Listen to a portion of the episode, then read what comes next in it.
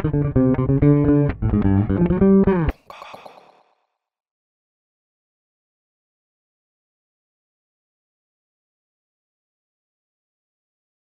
dənə tweet görmüşdüm, Qaqaş yazmışdı ki, bir qulağımızın dibi qalmışdı, oranda yara elədilər. Bu şeyə kino teatrların bağlı olmağı filan kino sektoruna babat pis təsir elədi də. Yəni prosta niyə heç bir kino aktyor ya da nə bilim rejissorlar filan bu barədə şikayət eləmir? Yəni Azərbaycan kinosu dünyada filan problemlər var idi. Məsələn, Netflix həll eləyirdi o problemləri.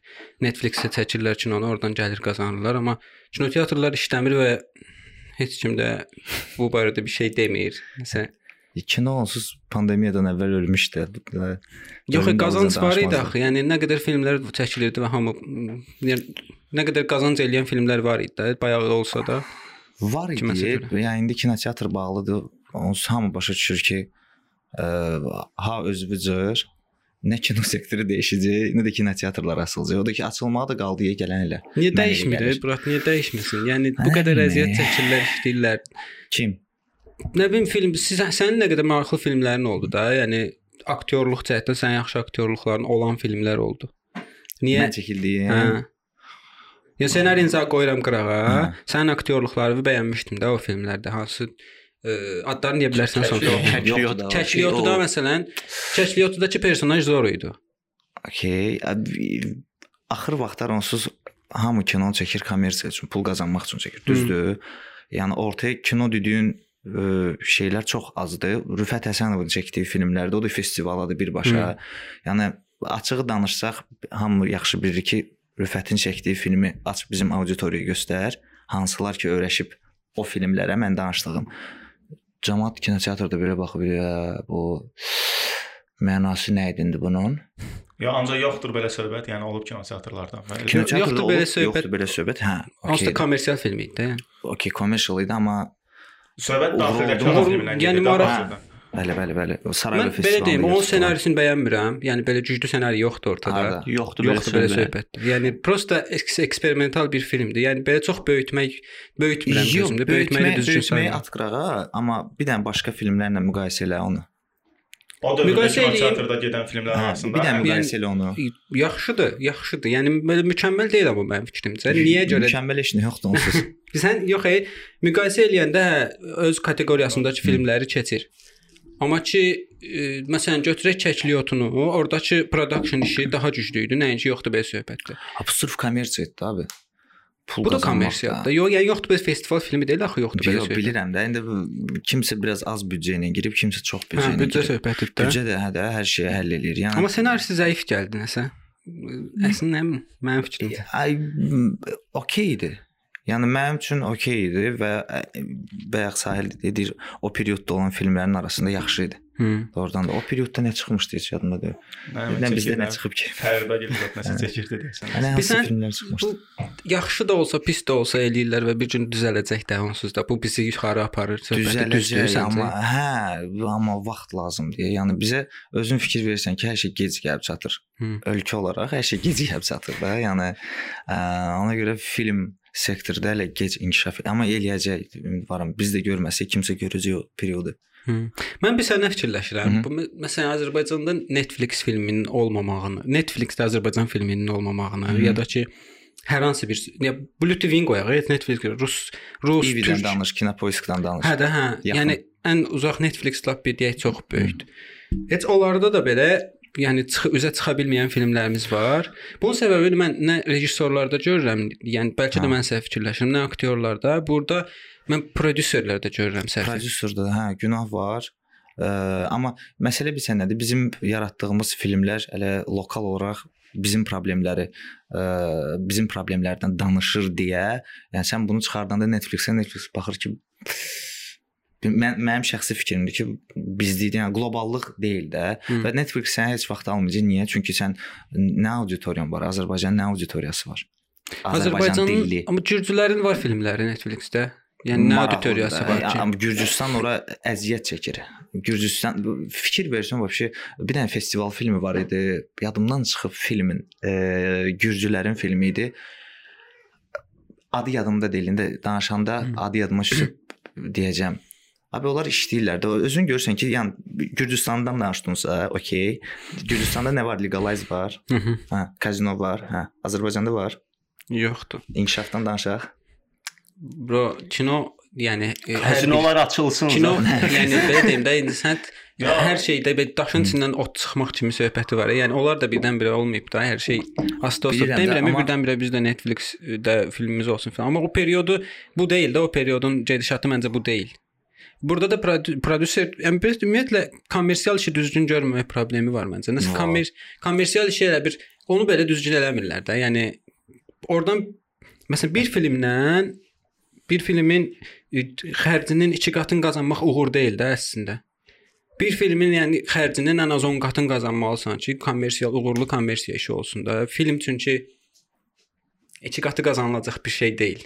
Hə, orada 2-dən çoxdan. Hə, 2-dən gedir də. çoxdur Hə, orada yəni. qazanc. Yəni çünki baxırsan alternativlərə milyon qoyub 100 milyon götürürlər filmlərdən, Ən milyard uğurlarından biri götürürlər. Paranormalna явление baxmısınız, Ayrar Arvad çəkmişdi evdə. 16 min dollar büdcəsi var idi. Sony Sony aldı desən 160 milyon xeyir gəldi. 16 mindən 160. 160 dəfə. Yəni kommersial uğuru əldə eləyə 160-dan bilmirik. da çox idi. Bilmirik. Yəni bizdə hə, problem sənin tərəfin qoyuram qırağa, heç belə kommersial tərəfində düzgün. inkişaf yoxdur. Sən incəsənətdən zətdən danışırıq. Hətta inkişaf yox. Mən indi durub burada yekə-yekə danışmağa haqqım yoxdur əslində. Mən adam kimi danışım da, bir izləyici kimi danışım ki, bu mən otururam seriallara baxıram, filmlərə baxıram. Mən Azərbaycan treşi üçün ölürəm. Hmm. Məndən çox oyuna heç kim baxmır treş Azərbaycanda. A, Baxırsan ki, bəsit şeylərdən danışırlar. e, Yəni çox primitiv şeylərdən danışırlar və e, əvvəli də axırı da çox bəsitdir. Yəni inkişafdan burada söhbət gedə bilməz. Çünki bu adamların piki hələ özləridir. Başa düşdün? Bir var kimsə baxır, mənim pikim Woody Allen-dır da, atır Hı. Woody Allen. Ah, wow, əjdaha 10 yolu ilə gedir və onun üçün o pik odur. Bunlar üçün mənəm, özüməm, pik məndən oyna heç kim yoxdur. Hə, biraz kitab oxu da, bir bax gör nə çəksən, nəyi montaj edirsən, nə edirsən sən? Bilirsən mən bu mövzuda nə fikirləşirəm? Mənim öz şəxsi fikrim də budur. Bir də bir neçə digər belə deyim də böyük ə, içinə hörmət elədiyim nə aktyorlar olsun, Hı. şeylər olsun. Məsələn, Əli Haluk Bilginer olsun, sonra stand-upçı var idi, Kevin Hart idi da deyəsən. O onların bir iki dənə müsahibəsində eşitmişəm. Ə, deyirlər ki, mənim tək rəqibim özüməm və ümumiyyətlə sən özünə hər hansı bir şəxsi rəqib götürsən, deyək ki, məsələn sən Tarantinonun fanatısan, onsuz da elə elə bilirəm də. Sən Tarantinonu özünə qoysan ki, mən Tarantino kimi film çəkəcəm. Tarantino kimi film çəkəndən sonra ondan o tərəfi yoxdur. Ondan o tərəfin leveli nədir? Başa düşdün? Ondan sonra gərək başqa birini tapasan. Amma sən özündən həmişə düşünsən ki, mən özümdən daha yaxşısını eləyəcəm.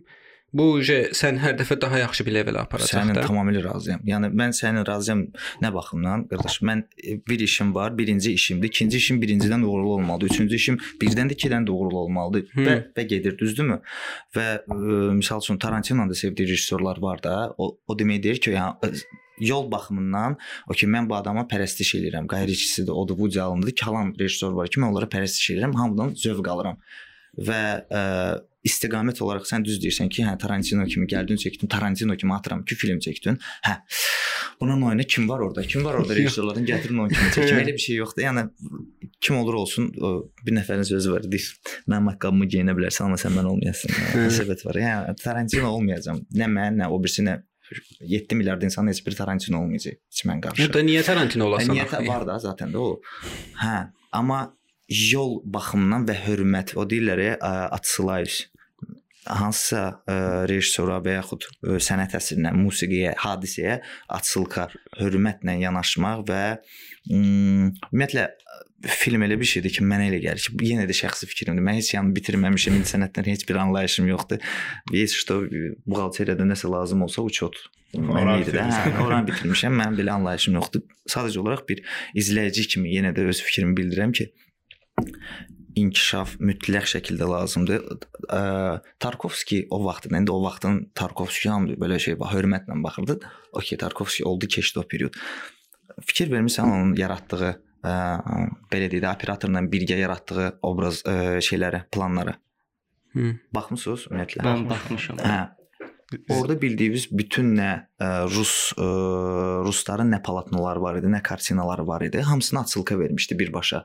İndi belə Hollywood yəni istifadə İndi onun öz hamı, revenant filmində. hamı, yəni tanıdığımız ötdü başdı rejissorlar hamısı şey eləyir, açılıq eləyir. Və rakurslardan belə istifadə edirlər ki, yəni meşədə olan kadrlardan İndi- Zerkal filmi idi də, deyəsən, e, Revenant filmində olmuşdu, DiCaprio Oscar alan. Orada yəni eyni cür səhnə, yəni o həmin filmdə olmuşdu. Hı. İndi sən sual ver bizim ə, sektorda olan insanlara ki, o nə deməkdir? Ə, ümumiyyətlə bu insan özündən asılıdır. Mənim dostum var idi bir dənə, Praqada oxumuşdu kino məktəbini. Yəni ə, bütün deyir təhsil eynidir. Yəni Praqada da olsun. Yəni sırf incəsənət ə, fərdi yanaşma individual bir peşədir də. Yəni kimisə beyninə nəyisə doldurmaqla deyil, bu dərs deyil yəni. Ümumi ə, bütün məktəb sektorlarında dərs eynidir. Rejissor özündən, rejissordan asılıdır nə göstərmək istəyir və nəyi göstərir. Bu da ki məncə doğrudan da yəni insanların rejissor Azərbaycanda olan rejissorların öz günahıdır. Yəni dirəşmirlər, nəyisə. Bu dirəşən var yəni indi çalışırlar. Yox, rejissor storyteller da sən mənə bir dənə hekayəni danışmalısan. Öz gördüyün kimi. Yəni sən necə görürsən beyninin içində çəkirsən, obrazları oturtursan yerinə və mənə göstərirsən. Və bu prosesdə sənə ə, baş lazımdır, düzdür? və o başdan istifadə eləmək lazımdır. O funksionallar çox aşağı səviyyədədir. Hal-hazırda Azərbaycan ona görə biz danışanda görürsüz ki, 2-3 nəfər çıxır ortaya film sektorunda. Mən özümü vəbşə qatmıram ora. Yəni mən çıxın oradan. Mən hələ ona var. 5-10 ildən sonra danışarıq. Mən kinodan yekə-yekə oturub burada danışaram. Amma fakt indi sektorun içindəyimdir. Başa düşürəm ki, çox zəifdir. Çox Kim zəifdir. güclüdür? Kimi görürsən Azərbaycanda hal-hazırda, yəni var belə bir rejissor ki, işləmək istəmə istəyəsən oyunla və ya hal-hazırda işləmirsən, yəni var belə bir ruh ruhunu bildiyi, ruh həsən. Ruhdur, Hilaldır. Ha, işləyə və istəyərdim. Yox, mən indi mən onlara hörmətimdən Ha, okey, danışıram okey. ki, sonsuz hörmətim var. Rüfətdir, Hilaldır, ə, Emil Quliyevdir, ə, soram Tali Tali biraz özünü yığsa, Hı. mən də bir izləyici kimi danışıram. Biraz özünü yığsa və dost kimi danışıram ki, tənbəlliyin bir dənə o məndə də var, hamıda var tənbəllik. O bir dənə tənbəlliyi atsa qırağa, Tali qaz vurub qazandırdı. Talih üzrə İncəsən Universitetini bitirib. bitirib hə, pandemiya. Pandemiyində pandemiyada. Sən tənbəlliyi atsa qıraq deyəndə sən yəni məşq eləmir öz üzərində. Nə nədir o? Yox, nə yox, deməsən? yox, yox. Məsələ bilirsən nədir? E, bir şeyə oturub bu işdə ən əsas mənə elə gəlir ki, mənim e, öz tərəfimdən danışım ki, bu işdə ən əsas hekayədir. Hekayəni yazmaq, düzdürmü? Hekayəni yazana kimi bizimki bizə gəlir də yanında otur hə bu Talih ssenaristdir, yəni. Talih həm ssenarist, həm aktyor, yəni həm rejissor. ssenarini həm- özü yazır məsələn? Ya ssenarini yazmaq elə çətindirsə, yəni do doludur ssenarist də, yəni yaxşı deməyim də, indi yaxşıları da var. Abi doludur. Mən demirəm ki, doludur. Niyə şahsan özü yazmalıdır? Yəni deyəcək. bir sahəni tutub ən yaxşı orada davam eləməyi daha yaxşıdır. Bilirsən necədir? Woody Allen məsələsinə qayıdaq. Adam özü yazırdı, özü çəkirdi, özü çəkilirdi. Hə. Düzdürmü? Bu, bu sənin belə deyək, sənin balondur, uşağındır. Sən Hı. özün onu yetişdirib böyüdürsən və ssenari məsələsində yenə də bax, bu problem var ki, mənə məsəl üçün yazırlar dəfələrlə Instagramda olsun və yaxud mən də şeylər kimi danışdım, dəfələrlə mənə yazırlarsa. Yox, normal da Hə, yazır. Yəni hə. sən onsuz da nə qədər tanınırsan Azərbaycanda Yox. yazmaqları. Bur burada təvazökarlıq göstərməyin mənə şey eləyir də, yəni. Ay yox, ay, Niyə yazmasınlar? O şeydir. Mənə qoymurlar çıxmağa şəhərə. Allah bütün gün şəkil. Ay, bəsdir sən Allah. ən pis xüsusiyyətim kompleksiz olmağımdır. Ya ya bir dənə söhbət var, qayda olaraq ki, mən çox mən bir dənə pis cəhətim var. Hə. Bəs danışır pis cəhətinə qədər ki, mən bəs hamıya yaxşılıq eləyirəm. yəni bu pis cəhət deyil. Tez inanıram. Hə, bu pis cəhət adına niyə soxursan cəmaata? Özü üçün pis cəhət. Bir şey soruşacağam. Bu incəsənətlə məşğul olan adamların bu film sahəsində xüsusən də yəni bir rahat olmur da bu insanlar. Daxilində bir problemi olur cəmiyyətlə. Dərdi olur da insanlarla ki, bunu göstərmək istəyir. Səndə nədir o dərd? Yəni öz çəkdiyin sən artıq yəni Vine falan deyil də sən elədin. Sən əməlli başlı qısa metrajlı filmlər işləyirsən. Həmin o filmlərdə dərdin nədir? Cəmiyyətdə göstərirsən insanlara. Mən axır mən fikir vermiş yoxsa yox, bu, xəttdən tutub getmişəm hələ ki varlı kasıb münasibətidir. Lugerdə də eyni şey oldu. İblisdir, nə bilim, olum ya ölümdür. Həmişə varlı ilə kasıb üz-üzə gəlir. Güclü gücsüz Hə, məsələsidir. tam. zəiflə güclünün Zəif arasında. Hə, amma bilinmir o hekayədə kimlərdir zəif, kimlərdir güclü. Mənim ən böyük problemim ə, Azərbaycanda ümumiyyətlə bu sözdən qorxmayıb deyəcəm ki, Azərbaycanda orta təbəqə yoxdur. Var aşağı, var yuxarı. Amma orta ortanı doldurmaq lazımdır və o problem ortadır. Orta yoxdur. Doldurmaq nə, nə kimi əskilik yaradır ki, ortanı olma? Nə, yəni necə hiss edirsən bunu? da. Yo, yuxarı Elə var, aşağı var, orta Kəskin bir yoxdur. keçid. Hə, də, hə. Bu nə bilim, belə əslində mənə də maraqlıdır ki, onu tam olaraq belə izah edən yoxdur mənə. Çox eşitmişəm ki, orta təbəqə yoxdur. bilməyəcəm. Hə, yəni orta təbəqə yoxdur. Bu nə deməkdir? Yəni orta təbəqə necə olur? Bugünkü verilişimizin mövzusu o deyil, gəlin. Yox, hansısa e, belə O- atıram. Orta təbəqə ancaq varlılar özünü təvəzzükar göstərəndə ortaya çıxar. Biz vallahi ya budur da elimizdə olan. iqtisadiyyat Ayağına şeyin baxmırsan kütlənə bax səni yeyəcək. Yüzündə can sağ olsun. Qorxan, hə, qorxan, gözə çöp düşər. Hər, hər şey ola bilər. Belə çox adam düşünür ki, ücret kütlə onsuz da səni yeyib də, yəni. Yüzündə. Nə deyirəm ki? Bizə nə mənada kütlə səni özünə çəkib, başa düşdün? Elə düşünür ki, insanlar kütlə səni özünə çəkib və artıq kütlə səni yönləndirir. Hmm, deməzdim. Yox. Deməzdim. Çünki bir yer var, məsələn, sən təzə başlayanda Aha. onsuz da özün kimi eləyirsən. Çünki sən bilmirsən hələ ki, kütlə sən sənin hansı filmləri sevir, nəyi sevir. Çünki təzə başlamısan. Təzə başlayanda sən özünsən. İlk filmini öz düşüncənlə çəkirsən. Amma ücə 3-cü, 10-cu filmdə sən ücə görürsən ki, orada məntiq girir də işin. Amma buna 100 min baxıldı, buna 200 min baxıldı. Hə, analizdən sonra başa düşürsən ki, bunu versəm çox baxar. Ücə kütlə orada səni Hə. bir döndərir.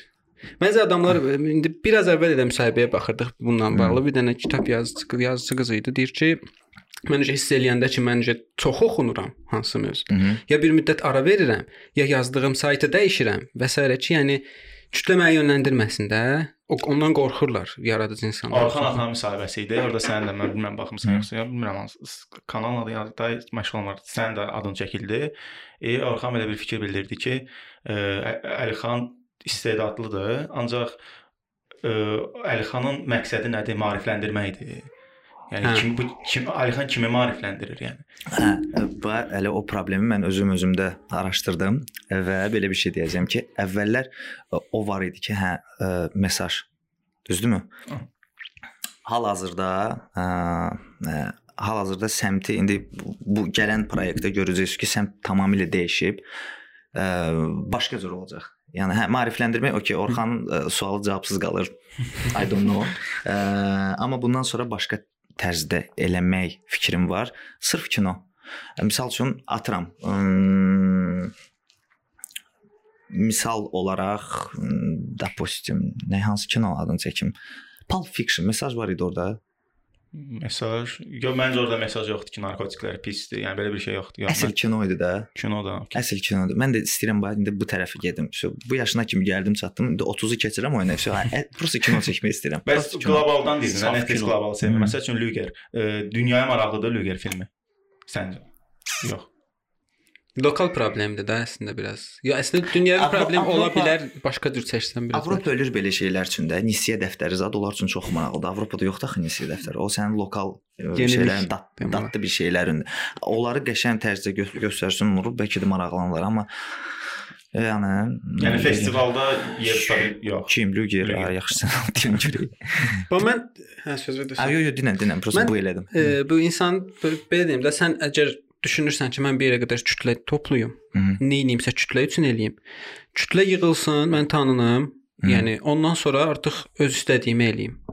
Və bu kütləyə bunu yeridim. Hı -hı. Ki artıq mən buyam, bunu izləyirsiniz, izləyin, izləmirsiz, xoş getdiniz. Bu məncə bombadır. Yəni bunu eləyirsənsə, bombadır. Amma sən de demirsən ki, mən kütləyə işləmiş işləyirəm. Onu da demirsən. Sən kütləyə işlədiyini demirsən, amma indi deyirsən ki, bundan sonra normal film çəkəcəm. Onda bundan qabaq çəkdiklərin prosta kütləyə olan iş idi. Belə mən, hə, bu sən sözlə indi bir dənə şey gətirəcəm. Danışdıqca hər şey açılır da. Hə, məsələn. Ə, bu mən başlamışam 2016-nın 17-dən də əvvəlindən mən nə etmişəm evdə boyun qırağında bir dənə video Hə, hə, çəkirdim. Hə, ona. yavaş yavaş yavaş yavaş Bir də bir sözü Hə. keçirəm. Mən e, Əlixanla neçənci ildə aynı söhbətdə. vaxt yadımda deyil. Çoxdan oldu. 2014. Hə, mən getdim 14. əskər. e, Nəsə Əlixanla yəni gör, görüşmürdü. Yəni neçə müddət keçmişdi. Əskərdə qaqaş gəldi ki, "Ala bir dənə qaqaş var, partladır da. Bir dənə buna baxdıq." Əlixan. Baxıram Əlixan. 2017-ci ildir. Mən də əskər idim. Okey, onda başlamışdım. Yəni bir Hə, dənə Aboydan Hə, davam. et. Aboydan başladım, cırıq aboydan başladım və ə, i- bu gün çəkirik də misal üçün. Mən ə, yenə deyirəm, mən o baxımdan savadım yox idi. Mən kinolara baxıb onu eləmişəm və bilmirəm nə dərəcədə yaxşı, pis alınır. Prosta alınır iş. Oy, oldu, gəldi. Mən heç nə eləyə bilmərəm sənə. hə, ə, və rusların bir dənə sözü var ki, metodum oşupa. Gözünü yumursan və əl, əlinlə atırsan, hə, toxuna toxuna başa düşürsən ki, mən nəyəm, hara gedirəm və hal-hazırda da mən burada danışa-danışa və gələcək proyektimi mən hiss eləyə eləyə gedirəm. Hələ bilmirəm. Na intuisiyadır. Mən Intuisiya. Intu, hə, intuitivni. No, hə, bundan əvvəl, bundan əvvəl ə, mesajlar vardı. Bu Orxan ata deyir ki, maarifləndirmək. Düzdür? Orada mesajlar vardı ki, hə, nə isə də mesajlar var idi. Nəsə hansısa mesajlar bilmirəm. Yadımda deyil nə mesajlar idi. Məsələn, nişanlısına yolda gedəndə qaqaşın nişanlısına söz atırlar. Hə, o dibdədir. dibdədir. Deyirsən, hə, hə, o vaxtda hə, talehlə bir yerdə var idi orada momentlər və hə bu ə, kütləyə işləyən bir şeydir. Çünki bu problemlər var idi Azərbaycanda, düzdür? Bu o periodlar gəldi, gəldi, gəldi, gəldi və Lugerdən sonra bir dənə hə özümə qərar verdim ki, "Vəsə, 30 yaşı keçirsən, Hı. özüm özümü qocaldıram da. İndi öz 30 yaşı keçsən, uje prosta kinoya. Prosta kino. Baxırlar, e, qəşəng kino idi. Vəsə. Oturub orada şey yazmırlar ki, burada bunun şeyi, bu mesaj verdilər. Prosta baxsınlar, zövq alsınlar. Və sən Lugerdə mesaj yox idi. Tam olaraq belə açıq mesaj yoxdur, amma yəni demir də ki, şey, nə bilim müəllimlərin maaşı azdır filan. Bunu tam olaraq vurğulamır, amma biraz düşünəndə oradan da şey çıxır ki, yəni hə, burada Elxan bunu çəkib ki, müəllimlərin həyat yaşayış səviyyəsi aşağıdır. Bunlara vurğu eləyir. İstər-istəməz var da, yəni o vurğular var. Sənin içindəki o ba- başa düşürəm ki, içindəki şeydir, onu çıxartmaq istəyirsən, bu problemi istəyirsən göstərəsən. Amma o sən çıxmır da, sənin yaradıcılığından çıxmır bu. Həmişə istəyirsən ki, o problemləri göstərəsən filmdə. Hə, hə, problemləri göstərməyi hə, həmişə istəyirəm və yenə də deyirəm ki, ə, bundan sonra belə göstərsən problemləri çox belə üstü örtülü göstərəcəksən. Başa düşdün? Yəni söz atacaqsan, keçəcəksən üstündən ki, hə, vəsə.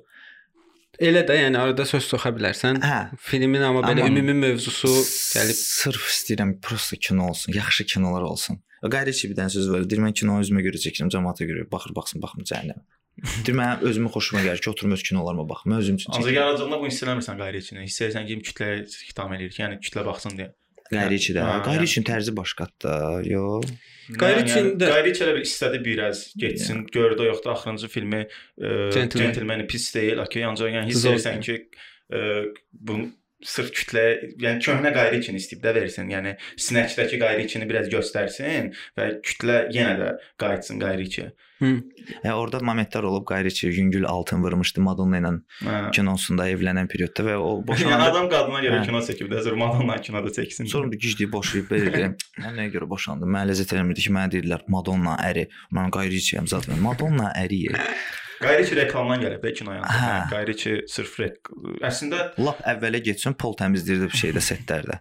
Pol təmizləyirdi, yığışdırırdı, nəm ştativ daşıyırdı. Hə, ondan sonra reklam, ondan sonra şeydə, ə, Adı neydi o? Müğənninin. Yo yo yo yo, Karti Cengidvas falan var idi.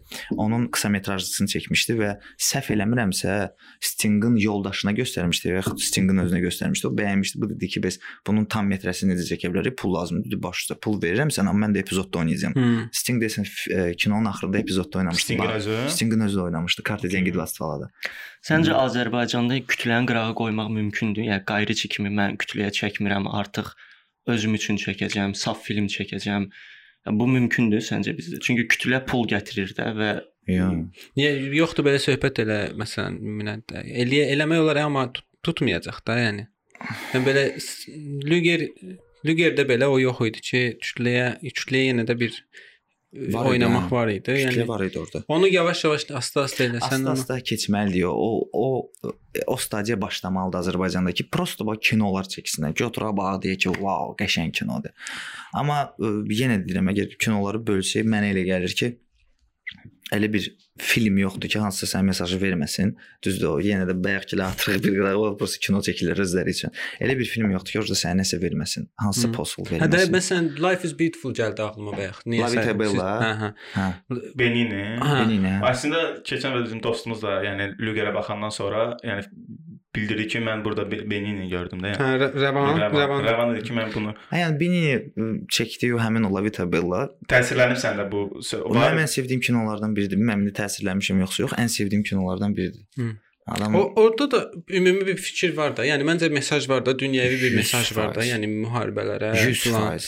E, biz indi deyə bilmərik də mesajı olan film pisdir. E, yəni elə şey yoxdur. Amma Yox, yoxdur. burada pis eləyən şey nədirsə, biraz ucuz mesaj olanda öcə şey eləyir ki, yəni basitdə satdığını bu ucuz mesaj Ya da mesaj, yəni çox üzdə olanda, o gözü ucu barmaq soxmaq dərəcəsində olanda narahat olur insan. Bəlkə də nəsə orada çox xırda nüanslar var, hamımız Çox üzr istəyirəm. Tamaşaçılara bir dənə sosial mesaj vermək istəyirəm indi. Olar. Biz onsuz da az adam baxır Əli xan. yəni. Azadan baxır. Onda bir dənə siqaret çəkmək olar.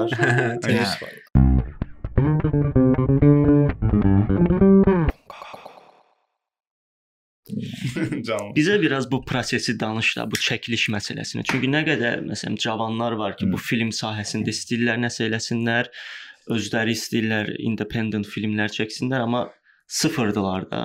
Lap əvvəldən başlayım. Hə. Toyuqdan, yumurtadan.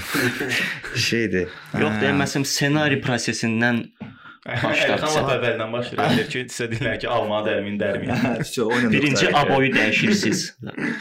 Ə, öz tərəfimdən danışacağam ki, birinci hekayə ideyanı tapmalısan və nə demək istəyirsən filmlə.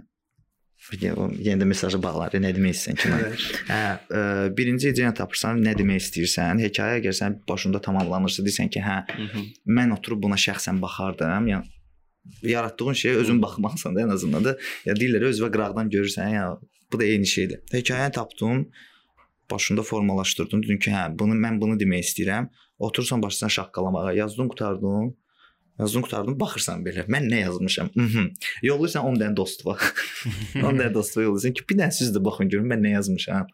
O- Hamısına da deyirsən ki, sən bilirsən, ancaq başqa heç kim Hə, bilmir. hə, o 10 dostunda 10 dostu var, onlar da yollayır və belə bir dənə şey yaranır. filmə hamı baxır Hə, əvvəl. hə. Spoilerdir başdan. və rəylərə fikir versin. Ən azından tanıdığın ə, insanlar və o olan siyahında da talih də var Hı. ki, hərə bir dənə sənə rəy bildirir ki, bax burada bunu, burada bunu zət. Yenə də özün bilərsən, hə, sənin işində heç kim qarışmır, sadəcə fikrini bildirirlər. Hə, məsləhət olaraq. Məsləhətlərə qulaq asırsan, asmırsan, o sənin problemindir. Yenə də nöqtəni qoyandan sonra deyirsən ki, hə, mənim hazır ssenarim var, nə bilim 20 vərəqdir. 20 vərəqdə hə, o da eləyir 21 dəqiqə, 19 eləyə bilər, 22 dəqiqə, 22 dəqiqə eləyə bilər. Ondan sonra çıxırsan sponsorlara ki, bəs mənim əlimdə bir dənə kino var. Yox, sən çıxa bilirsən də sponsora. Çıxmaya bilən adamdan danışıram. Çıxmırsan sponsora. 20 Çəkmirsən hə, 20 filmi. vərəq var əlində. Ögə texnikan zad danışmağa da o da çıxmırsan. Yox, yox, bir dənə əsas sponsora çıxan adamdan danış məncə. Yəni burada məsələ Okay, o- sponsora çıxmırsan. 5000 pulun var, 20 vərəqin var əlində, hazır hekayədir, düzdür? Komanda yığmalısan. Sənin rejissorun olmalıdır, sənin operatorun olmalıdır. Quruluşçu operatorla operator eyni adam ola bilər də, yəni. Hı. Sənə rejissorun assistenti lazımdır, xlap vuran lazımdır, canım sənə desin, koordinator lazımdır, prodüser lazımdır, yeri danışsın, məkanı danışsın, aktyorları danışsın, sənə aktyor heyəti lazımdır. Azərbaycanda ən böyük problemlərdən biri elə aktyor heyətidir. Nəsə də siz başın buraxın. Yəni Yo başın buraxmayın. Yo başın buraxmayın qəti. Nədənsə yəni, başlamaq lazımdır. Azərbaycanda kifayət qədər ya. Yəni mən İncəsən Universitetində dəhşət bomba aktyorlar görürəm. Brat, bir dənə sənə problemi deyim. Yaxşı aktyorlar var Azərbaycanda. Doğrudan da var Yəni Azərbaycanda. keçən il Günəldə buna toxundu. Azərbaycanda rejissor azdır. Ancaq aktyor yaxşı çoxdur. Hər ikisi azdır əslində. Mənə görə hər ikisi azdır. Bax, ə, aktyorlar var da bizdə. Ə, mən onları başa düşürəm ki, ailədə gözləyən adamlar var və onlar məcburlar getsinlər hardasa çəkilir. Düzdür? Deməyəcək ki, rejissora mən istədiyimi çək. Rejissor bunu çağırır, bunun pulunu verir, qanarını verir, bu da çəkilir orada. Düzdür? Yaxşı, pis indi kinodur da, neynəsin? Çörək pulu qazanır. Amma ə, aktyorlara qulaq asan rejissorlar çox azdır. Hə bir otur qoy qabağa, bir gör adam nə istəyir, hansı rol oynamaq istəyir. Elə yox, sən bunu oynayacaqsan. Bir də seçim uğursuz olur çox vaxt Azərbaycanda. Və aktyorlar aktyor elə bir şeydir ki, sən ona verməlisən, sən onun istədiyini verməlisən ki, uğurlu alınsın iş, düzdürmü? Hı. Misal üçün Bay Lugerdə Azər oynamalı idi polisi, Hikmət olmamalı idi orada. Vəbsə Hikmət yox idi orada. Söhbətdə elə çıxdı ki, bəs Azərə təklif etdim. Azər dedi ki, Hikmət üçümüz bir yerdə tutmuşdu. Dedi ki, bəlkə Hikmət oynasın polisi, mən də kassir oynayaram. Dedim okey, oynayaq, davay da eləyək də. Töz başqası olsa yox, mən belə görürəm ki, Azər müəllim siz polisə yaraşsız dirəşirdi. Hmm. Başqası olsa. Sən ver azadlığı qoy özləri seçsinlər. Kim nə istəyir? Yəni nə qədər rahat olsa bir o qədər yaxşıdır. Woody Allen-ın belə bir şeyi var idi, xassiyyəti. İmprovizasiyanı həmişə özü eləyirdi. Film, hə, filmdə həmişə ancaq özünə qoyur da, özüm özümə improvizasiya icazə verirəm. Sonra bir momentdən sonra dedi ki, improvizasiyanın həvali hamı kim nə istəyir eləsin, qoy eləsin. Belə alınır ki, tək Woody Allen-ın işi olmur o. Aktyorlarla bir yerdə hamı avtor olur. Görürsən necə qəşəng alınır. İstədiyini eləməlidir. Aktyor oyundan söz düşmüşkən, yəni e, Lügerdə Hikmət Rəhimovun aktyor oyunu. Müştad. Azər, Azər. kimi hamı orada mən atırsız bir qırağa, mən o deyiləm. mən aktyor deyiləm. Yo, az, məncə Azərdən də, yəni ümumiyyətlə Hikmət Rəhimov setdə Əcdad. Azərdir, Hikmətdir. Burdan hamıya deyirəm ki, Azər, Hikmət, qadanızı alaram sizin. Çox, Hı. yəni mən ona həm insan kimi xətrini çox istəyirəm, həm də ki, ə, mənim sevdiyim troyka var da, Rasim Cəfər, Azər Aydəmir, Hikmət Rəhimov. üçlü. Ə, o ölürəm onlar üçün də, onlar əjdahadılar. Tam metrajlı film çəksən yəqin ki. 100% ayıb olar. Mən heç orada olmayım. Epizodda bir dənə qıraqda çıxım, hop eləyim, qayıdım amrat. Sən rejissor kimi şey istəyirsən ki, bundan sonra rejissor kimi fəaliyyət göstərəsən. Biraz çox çıxır. Senarist rejissor rejissor. kimi. Bilirsən Hə. mən nə iş eləyirəm Əlxan? E, fikirləşirəm. Hər dəfə məsələn səndə çox var o, çox təvəzzökarlıq göstərsən ki, məsələn mən deyirəm ki, kimsə deyir ki, Əl- Əlxan aktyor deyil. Sən deyirsən ki, mən aktyor, hə, mən aktyor deyiləm. Onsuz mənim aktyor olmağıma çox var. Və yaxud da 100%. kimsə çıxır deyir, Əlxan rejissor deyil. Deyirsən mənim rejissor olmağıma çox var. 100%. Bu biraz işin içindən çox rahat çıxmaq deyil. Yəni niyə niyə niyə dan? Yəni dünən ki, hə, mən aktyoram, belə aktyoram, inkişaf eləyəcəm nə vaxtsa. Yəni niyə şey eləyirsən ki, yox, hə, mən aktyor. Onda belə sən onda heç vaxt sənə deməyək ki, sən xanaq daş atılır belə keçirmə. Mən mən deyiləm o. Yox, ə, doğrudan mən özüm özlüyümdə onu qəbul eləməliyəm ki, onu deyim də. Hal-hazırda okey, sən dedin ki, mən aktyoram, amma çox zəif aktyoram. Hə də bunu dinən də, hə, dinən ki, mən qardaş zəif aktyoram. Mən zəif, zəif aktyoram. Onu deməyin də pisdir əslində. Hə. Yəni bunu niyə niyə zəif deyirsən özünə? Yəni zəifəm axı. Deyilsən axı. Yəni Azərbaycan qardaşım. Zəifsənsə, sən Azərbaycanda bu qədər insan səni tərifləyir, deyir ki, əla, əladır aktyor. Yəni özünün müəyyən yerin var. 4 il bundan qabaq deyə bilərdin zəifəm. Sən sual 4 ver. ildə inkişaf eləmisən axı. Sual vermə təzədən. Necə rejissorsan, necə aktyorsan? Bir dənə versin. Əlixan sən necə aktyorsan? Yox, o tərəfdən istəyirəm də. Özü sərdən pretenziya elirdi. Sən necə aktyorsan? Əlif? Piscəc.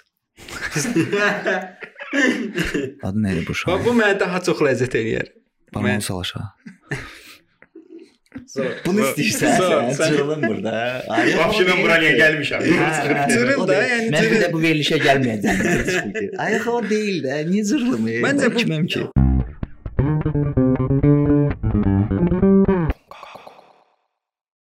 İndi də debillik tutur da, nə edək? Ona baxırlar. Trash həmişə sevilir də, yəni doğrudan. 100%. Var, episod gedir. Var, bilmirəm. Var, var. Mahnı olmayacaq. Bu sən eşitmirsən. ha? Tuş versin bir dənə. Eşitdim. Təzə-təzə başlayanda səs çox pis idi. Hı. Kommentlərdən yazırdı səs. Getdi, aldıq, Xərcə düşdünüz. Zoom road. Bizi xərcə saldılar izləyicilər. Nünyo. getdi. İşləməli idi. Zoom-un imenli patrak podkast üçün şeyini aldıq. Nədir o? Rekord. Zoom rekorderini. rekordu. Zordur. Bir sənə xoşuma gəlir o kimsə nə bilmirəm nə kimlər olur. Like eləyin, abunə olun kanala. Əziyyət çəkmişik. əziyyət çəkmişik. Allah şunun adı nə deyir işte? Mən əziyyət çəkməlisən də. Çox amma montajda. like at. Like et, like gör. Bu gözəl notda davam edir. Bəs bir dənə də hamıdan bunu soruşuram. Səncə tənqid eləyən tənqid inkişaf aparır? Hı. Yəni kimsə girib yazanda ki, Əlixan sən bunu yaxşı eləmirsən, sən ona baxıb deyirsən ki, "Əfsi, bu mən yaxşı eləmirəm." Yəni kütlənin tənqidindən gedir söhbət. Kütlənin tənqidindən əvvəl özüm eləyirəm də. Hə də özün Hə. elədiyin tənqid başqa. Ə, Kütlə tənqidi özümə. sən səni inkişafa aparır. Hə, hə, hə, hə. Keçən dəfə ancaq Rəqabətlə tənqid insanı inkişaf eləməlidir. Elki burada qonaq olanda ə, o mövzu düşdü söhbət. O video sənə dəhşət çox müzakirə yayılmışdı da. Qınama. Qınama, yəni Hı. şillə vurmaq söhbəti və yəni Twitter, Facebook, e, Erkin danışdı, Erkin Erkin Əli xan verdi rolu. Mən öz rolumu sadəcə oynadım. Yəqin ki, ideyanı Gör necə qaçdıya söhbət.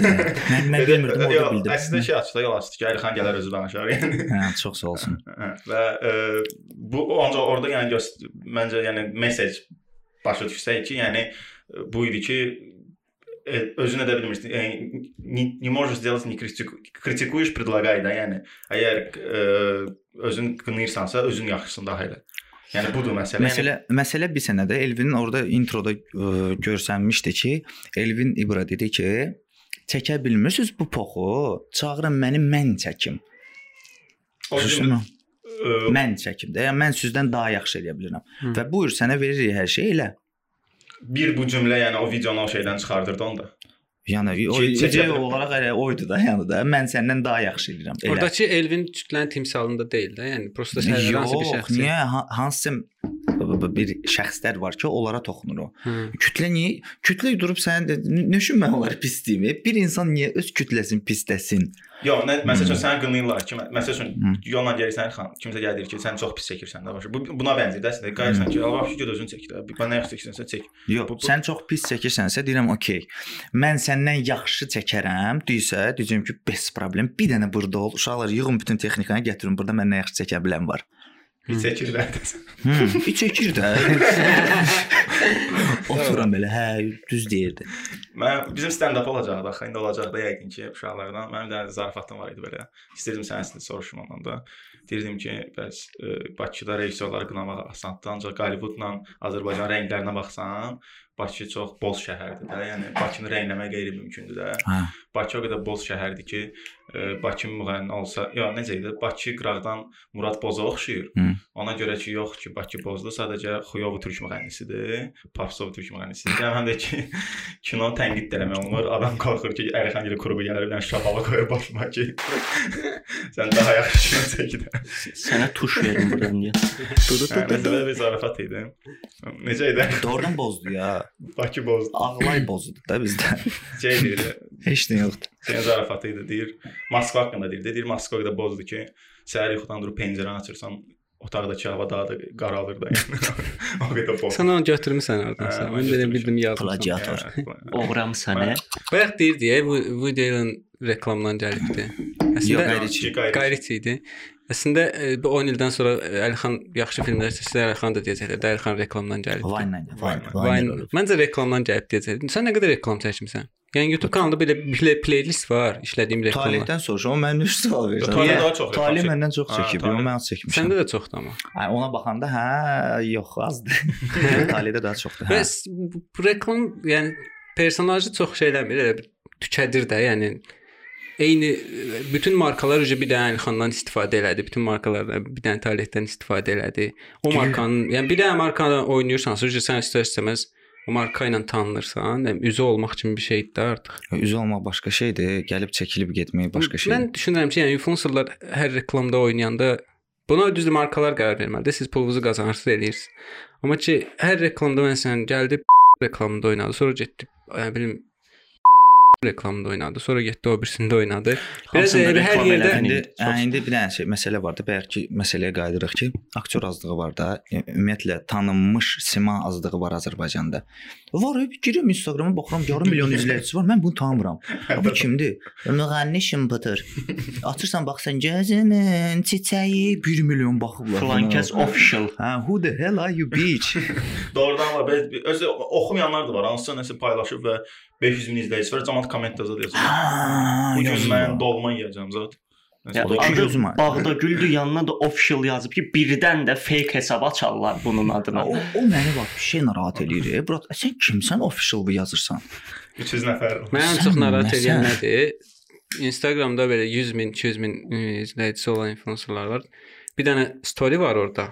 Biznesimdir storynin adı. Highlighted storydir, biznesim. Yora girirsən, o network marketing var, ya, hmm, şey, piramida sistemi. E, e, bir dənə hər birinin profilində elə bir dənə piramida sistemi var Hı. ki, e, xanımlar evdən işləyə bilərsiniz filan. Ya ən ən məşhurlarda bu var. Dənə sözü kəsirəm. Səndə də bəlkə var Ayxan. Yəni e, Azərbaycan Azərbaycanda məşhurlaşandan sonra bir moment olur elə bir hamı followdan çıxarır 30 nəfəri saxlayır. E, məhəllə uşaqları da hamısını çıxardır da başa düşdün. Ancaq nəmə yəni öz ətrafında olan məşhur adamları saxlayır. Yəni bu nədir? Bu şeydir, yəni Şeydə luxury. luxury da Yes. VIP-lər. Mən hamını izləmirəm. Hə, mən hamı izləmirəm. Seçdiyim adamlar. Mən ancaq söz vermişəm. Mən nə qədər məşhur olsam, Məhəllə uşağın Zeyhunu izləyəcəm mən Instagramda. İzləmək məsələsi mənim ümumiyyətlə arada olur ki, mən yaxınlaşırsan. Mən niyə izləmirsən? Ağlım belə qalır ki, əvvəl-əvvəl bilmirdim nə deyim, izləyirdim. Gözləmirəm. İndi hə, indi təzə cavabım pro- prosto nə bilim izləmirəm də. Yəni deyə bilmirəm ki, maraqlıdır, amma əslində maraqsızdır. Ona görə hə. dedilər ki, Əlixan maraqsız deyə izləmir. Hə də yəni izləmirəmsə niyə izləməliyəm mən? Okay. Məşhur olandan sonra qohum əqrəbə gəldiniz və balaca xalın o xalon oğlu var deyə ona da bir şey Onu qabağa çəkək də. hə. Çək də bir dənə onu. Siz belə ləhcə ilə bizdə danışan yoxdur. Biz nə acı qalır, onu qabağa çək də. Hə, olub normal bir şeydir. Yəni tək məndə olan bir şey Hə, deyil ki, hə, Azərbaycan üçün normaldır. O vaxt var idi şeydir. Hmm, falan kəs də oxumur da. İndi o dəyişəndən sonra bu maşallah bax görsən təzə Lexus alıb özünə. Bu dünyada belədir də. Məncə Adel fakt Normal, göstər. Hə. alanda atasına fakt göstərmişdi ki, yəni mən bunu Grammy aldım, sən mənə indi yazırsan. Tərbiyəsiz. Fucuk. Fucuk Armeniya Motor. Söymək. E, Əlixan neçədən personaj var idi səndə? Bir e. Psixoloji olaraq. Yo, yo, filmlərində də, bu qısa Hmm. filmlərində. Bir qaqa idi. Qaqili idi, nə Bakılı idi. Alxan idi, Aha. Tuz bala idi. Təzələrə də əlavə olunur da hələ. Hə? Hər dəfə videoda yeniləri gəlir. Update. Ya update yoxdur hələ. Hələ köhnə tərzlə gedəcəm, amma bu istəyirəm. Mən ümumiyyətlə sevirəm. Bu personajlar davam edəcək bunlarla nəsə. Qaqilin dillər çək. Hmm, Çəkəcəm. Amma filmini vəssalam oynadı bitirsin də bu. Film. Azərbaycanda var axı. Bir şey tutuzdurursa, "Yo, sürüdənə kimi, suyu çıxana kimi həyat bu o olacaq." bir adam obrazdan yaşayır. Obrazın ə, qurbanı olur. e. O Johnny Depp-də olmuşdu elə. Aslında Johnny Depp də şeyin qurbanı olmuşdu. Jack, ə, ə, Jack Sparrow. Captain Jack Sparrow. Səndə də olub, e, bilirsən? Sən Aynen sən bəzi müsahibələrə baxıram TV-də filan. Birdən-birə elə TV-də az danışam elə olur. TV-də bir dənə müsahibən var idi sən. Şeydə də TV-də 2 dəfə müsahibə vermisən. Yandım. hə, hə, vermişəm. gözləri Hə. də zad açıq. Açmıram, yəni zəng gəldi. sən orada şey birdən-birə keçirsən, danışa-danışa birdən keçirsən o birisi bir hansısa personajı. Hə, hə, ağzı. Deyəsən rahat olmayanda elə olur nəsə. Nə bilim o beynimin şeyi də o default bir şeydir də. O mən onu Şizofreniya eləmirəm. yaşayırsan da ciddi. Hə, ola bilər. Ola bilər. İncə sənətdə bir dənə uşaq dediyim Əlixan gələcək. Dedi bir dənə sual verərsən ki, Əlixanda niyə sırf obrazlar çox zəif insanlardır? Yəni ə, rol zəif söhbəti deyil ha. Yəni obrazın zəif. obrazın zəif olmağı. Məsəl üçün Qalilidən tutmuş, o Alxan- zəifdir ki. Tip olaraq insan olaraq zəif insandır da məncə, yox? Hədə şəmpətildir də. Hə, hə. Söz heç yanda Yəni bütün keçmir. obrazlar Sən də xarakter xarakter olaraq zəifdir. Hə. deyir ki, güclü xarakteri oynamırsan ya da oynaya bilmirsən bəlkə də. Yəni ki, varlı qaqaşın özü belə gücsüzdür. Yəni gücsüz, zəif xarakterdir. də özündə belə zəif xarakter daşıyır. O deyir sterjin yoxdur. Nə bəlkə də mən tərz olaraq nə bilim belə rahatdır deyə. O əslində maraqlı sualdır, amma bilmirəm niyə. Bəlkə Belə də o intellektual personajın yoxdur da, intellektual personajı oynamamısan. Ya var? buradadır. O nə sözdür? Yox, oynama, oynamam. Bir dənə botanik var, o da ki, nə belə də. Botanik hansı idi? O şey karantində vardı, oturub giz-giz danışırdı. O da Hı. ki, belə də psevdo intellektualdır. Rap haqqında ə, Doğrudan Tanış. bizim izləyicilərimizin çoxu rap, rap Hı. dinləyicilərdir. Mhm. Bir dənə sevdiyin reperdən də Azərbaycan yerlilərdən. Pastor, expert. ə, Doğru. Biraz düş şeyə də e, underground-da. Underground da onlar şeydə, Underground. yəni daha az tanınan. Nə Rio- Newskull. Rio- Rio Rio, yazmışdı. Rio, Rio.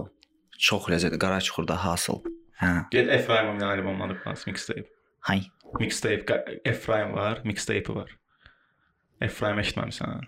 Bəlkə də eşitmişəm, mən yalancı çıxım. Okay. Yəni olar mən baxım. Olmadı ki. Biz Efraimi tanıdacağıq indi Əlxana. Bundan sonra Əlxanın playlistləri şənlənəcək. Niyə Cortex-i tanıyıram? Elə ondan e, like, eyni label. Label'da. Ondan quruğun. Elə deyəcəkdim. razıyam Gələcəyimdən sinoneliyim Bu son dediyi dediyim əməl Hə, yaxşı. Aa, mən bunu görmüşəm. Göt günündə track. Ha. Kurtoyla yəni playlistə salarsan baxarsınız. E, bir dənə mövzu danışmaq istəyirəm xan. Battle haqqında. Deməli Elektro Hallda mən də oradaydım. Sən yuxarıdaydın. Hə, mən döyürdülər orada. Bir, bir moment oldu. Orada Pastor Punch deyəndən sonra e, bütün baş belə çöndü orada. Yəni bütün başlar qalxdı. Bilməm ona fikir verdin, o şey hiss elədin, o Hə, baxışlar. mənim də başıma aşağı düşmüşdü. Bu punchdan sonra nə, nə düşündün? Yəni bu pis gələcək. yəni. Talihlə Hə, talihlə beynivin ehtiyacı maksimum Talih Hizbə Vəlixanadır. mən düz mən pastora respektim var. Bu düz göstərdim. Respekt keçən Hə. onun şey yer ki, respekt işarəsi necədir? Budur da yəqin ki. bu Budur. bir- Bilmirik. Bu Victor idi. Vic- Bu Victor idi. Okay, respekt budur. Respekt, respekt budur. Dənə belə baş əyilləri. o punchdan sonra nəsə də belə bir hiss yaşandı ki, yəni What the fuck? Mən adamın xətrini çox istəyirəm. Yəni əvvəllər, əvvəllər küçül bundan qabaq mən hər şeyi cac elirdim ki, hə o bu niyə belə elədi, o niyə belə elədi, o niyə belə elədi. O o hissi başladım özümdə öldürməyə ki, hə okey eləyir eləsin də. Hı. Okey. Yəni hər şeyə biraz rahat yanaşmaq lazımdır. Amma o bayaq göstərdiyim videodan, o mən onu başa düşmürəm. İndi tamaşaçılar bilmir, biz özümüz bilirik. Mən onu başa düşmürəm. Amma onda cac eləmək olar. Ha bu okey, yəni respekt. Bu o sən burada sənin yaradıcılığından sənin intellektivi sorğulaya bilməzlər də. Məncə düzgün deyil. Yəni Əlixan filmlərini bəyənmirəm, onun intellekti aşağıdır. Düzgündür bu, yəni İntellekt bu nisbənlə işte. biraz psevdo intellektual şey deyirlər ki, Əlixanda psevdodur biraz intellekt. olsun psevdo. Okay. Yəni bunu məncə filmlərə baxıb elə qərara gəlirlər ki, hə Amma səni tanımalıdılar axı psevdo intellektual demək üçün. tanımırlar. Şəxsiyyət tanımalılar da, yox? Şey, Ərxan zırılır oradan. Yəni əslində indi özüm özüm Bilirsən cırılırsa, məsələn, cırılır da, yəni mən indi Əlixan tərəfini tutmaq üçün demirəm. Prosta mənim maraqlıdır. Kimsə əlimi tutursan. Yox, yox, pul idi. Ya bir də Biz öyrəşməmişik Niyə mən elə maraqlıdır? şey. Bax, e, cırılır. Nə bilim, egos, egomanyakdır. Başa düşdün? Amma bu bu filmin buna nə dəxlisi var? Qoy cırılsın da. yəni Yəni yaradıcı, düzdür. yaradıcı insan gördüyü işlə şəxsiyyət önəmli deyil, yəni gördüyü iş önəmlidir. Uzağa getməyib. Bir dənə misal çəkəcəm sizə. Ürəyim açıldı. Bi- Bizdə Talihlə bir dənə video var idi, təklif. Mən Hə, baxmışsınız yoxsa yox? Deyir götümdən öp, falan şey verəcəm. Hmm. Bir dənə insan, bir insan Bir ki, hə. sözcə o zor idi amma yəni. Mesaj zat deyə bilməm, o zor idi o tema. Ələ sat, ay, hər insanın qiyməti var. Nə qədər də özümüzü şeyləsək, Hamı satılır. Kitə almaq olar da pulun bahasına dəyişir. Bu gəlir deyir ki, qaqa mənə pısmansan, yanaşdırmadım. Yəni, niyə görə bir adam o bir adamı götüründən öpməlidir? Nəyindən öpsün? Yox, ya. Kimsə variant orada çoxdur nəyindən öpməyə. Yox. Ümumi olaraq. Mənə gəlib sö- söz çatıb ki, yaraşdırmadım Əlixana o göt öpmək məsələsini. İ bu adam o birisinə başa salır ki, qardaşım bu obrazdır. Bu Əlixan deyil. Okay? Bu obraz olaraq o təklif olub da, bu Əlixana aid deyil. Yox, onun oğlanlığına təsir edir axı. yəni bu problemlər varsa hər hal-hazırda da, yəni o psevdo intellektual məsələsi də olacaq, intellekt məsələsi olacaq və sair və ilahi. İnsanın şəxsən tanımadan mühakimə eləmək biraz düzgün deyil məncə. Hı. Şəxsən tanısalar və hansısa hərəkətinə görə Və söyməyi də düzgün. Kimisə, yəni bu məsələn Əsəmi rahat da Burada sosial mesajlar Yox, veririk. yox, doğru. Kimisə işə görə söyməyi çox pis. Yəni tənqid edə bilərsən, bəyənməyə bilərsən, ancaq sırf kimisə söyməyi çox əclaflıqdır. Hə bunu şeydə aparıb qabağa şey eləmək lazımdır. O gün Jo- Joe Rogan'ın bir dənə intervyusuna baxıram. Deyir, e, mən baxsam ki, məsələn hansısa stand-upper səhnədə məni güldürə bilmir, amma izləyicilər gülür ona. Hı. Yəni mən gülmürəm də sadəcə. Mən ona dəstək olaram. Zövq Çünki- məsələsidir. E, Bunun bəyənən insanlar vardısa deməli bu uğura layiqdir. E, və mən ona dəstək olaram. Amma mən gülmürəm onu, demək onu bəyənmirəm. Burada da elədir. Yəni kimsə kimisə bəyənirsə insanlar, bu adam niyə dayansın ki? Eləsin də, yəni Bir dənə misal çəkim. aşağı kütlə bəyənir, onun izləyicisi aşağıdır, biraz şey gəlir. Yəni onu da o da insandır. İndi onun da özünün bəyənməli, bəyəndiyi kontent var, olmasın. pomidor yumurta mən sevirəm. Ölürəm pomidor yumurta. Hər gün də yeyərəm. Amma elə insan var ki, allergiyası var ya yumurtaya, ə, laktozaya ya da ki pomidorun özünə re- reaksiyası var ki, bədən qəbul eləmir onu. Düzdürmü? O demək deyil ki, pomidor yumurta pis yeməkdir. Məntiqlidir. Hı. Və mən nəyə gətirəm misalı? Mən əvvəllər hə qınayırdım kimi bir şey idi ki, hə onlar çıxırlar, qıcı-qıcı mahnılar oxurlar. 35 milyon prosmotru var zaten və niyə, niyə, niyə, nətər olur, millət qulaq asır. Hal-hazırda şöhrətin mahnısı var idi ki, 85 milyon baxılmışdı. Keçən ilkin də. Hə, onu onu satmışdı Murad Ceceli, Murad Ceceli də desən türk müğənnisinə satmış. Mustafa. Mustafa Ceceli. Yoxsa bunu hə nəysə də Mustafa Ceceli. Ceceli. Mustafa- Murad Hansısa Bozkurt. Ceceli. Hansısa Ceceliyə satmışdı 50 min. Hı. Adam iş görür, adam biznes qurur, halaldır. Bu hal-hazırda mən o vaxtki ilə indiki Əlixanın müqayisədə deyirəm ki, halal olsun. Vallahi halal da o uşağa ki, bu qədər auditoriyanı özünü qulaq astıra bilib. Hı. Yəni bu bilsə nə deməkdir? Deməli nəsə var da burada. Okay, yaxşıdır, pisdir. Sən qulaq asmırsan, mən qulaq asmıram, amma 85 milyon adam qulaq asır da buna da. Nə deyə bilərik biz? Heç nə. Okay. Sən intellekt məhsulları biraz risklidir. Nəyə burada e, insanlar qorxur ki, bu biraz deqradasiya aparır. Məsələn, musiqini deqradasiya aparır. Belə düşünürlər. Okay. Biraz da mənə də elə gəlir. Məsələn, o o musiqini mən istəyənlə dinləyəndə istəmirəm ki, artıq bu notlardan istifadə olunmasın da. yəni zövq məsələsidir yenə. Yenə sən oturub Strauss-a qulaq asa bilərsən, nə bilim, ala Beethoven-ə qulaq asa bilərsən. Adamlar onu qulaq bu nə deyir? Heç kim oxumayacaq. Heç kimi oxumur da, müğənni yoxdur axırda, musiqidir, klassikadır. Elədir, elədir. Amma çox nisbi mövzudur. Yəni Çox mən özüm də öz qərar Hə. verə bilməmişəm ki, yəni bu Nə? bu kontent nə olmalıdır? Bu trash kontent ümumiyyətlə trash kontent lazımdır da. Yəni bir də ehtiyac var da qardaş, yeyilir. hə. Yəni Çox rahatdadır. 5-ci gün işdən sonra yorğun arğın gəlirsən qardaşım, karantində oturdun, qoydun qabağına nə kim çaxır içir, kim pivə, kim nəsə siqaret çəkir, hə. Nəsə eləyir də, oturursan, yandırırsan, treşə baxırsan, relax. Heç nəyə fikirləşmirsən. indiki anda olursan. Hipnoz Yəni kimi belə- deyir, çox sakinləşdirir. Mən bilə-bilə baxıram. meditasiyadır. Əslində YouTube-dan tapıb əslində dibinə qədər gedirəm. Nömrəni trash- götürüm də birimiz atalım. Atardım. Bunlar baxmır, mən atırdım bunları. Kanal Mən də 1-ə öyrəndim. baxın, ITV-yə baxın. Trash şeydir də o vaxt televiziyada pis deyirdilər, oturub TV-nin qabağında zapping eləyirsən, belə hipnoz olub qalırsan. İndi də Instagram trash o odur da. Yəni TikTok, Instagram. İndi bir 5 il keçəcək, e, onu şey eləyəcəyik, pis Bu ancaq yaradıcılığa təsir edə bilər də Əli xan. Nə? Vaxt Bu biz baxdığımız, oxuduğumuz şeylər idi. Yəni sən bu videolara baxsan və sənə gəlmir ki, bir nə vaxtsa sən həmin trashdən istifadə elədin videonda. Aha, ola bilər, niyə də yox? Hı. Bu da bir elementdir də. Yəni Mendeleyevin o boda tablicası var. Hamısından istifadə edə bilər də. Pisi də var, Okay. zəifi də var, güclüsü də var. Bu bu olmalı deyə. Bir sənəyə görə trash maraqlı, şəxsən mənim fikrim. Çünki o insanlar mənə maraqlıdır. Allah haqqı maraqlı insanlardır. Vallah maraqlı insanlardır. Hı. Yəni qeyri-adi yanaşırlar da hər şeyə də. ITV 1-də çıxıb bu adamın istedadı yoxdur, oxuyur, öz özgüvəni var. Bəli, Wow. bəli. Mən bildim kimlə danışırsan.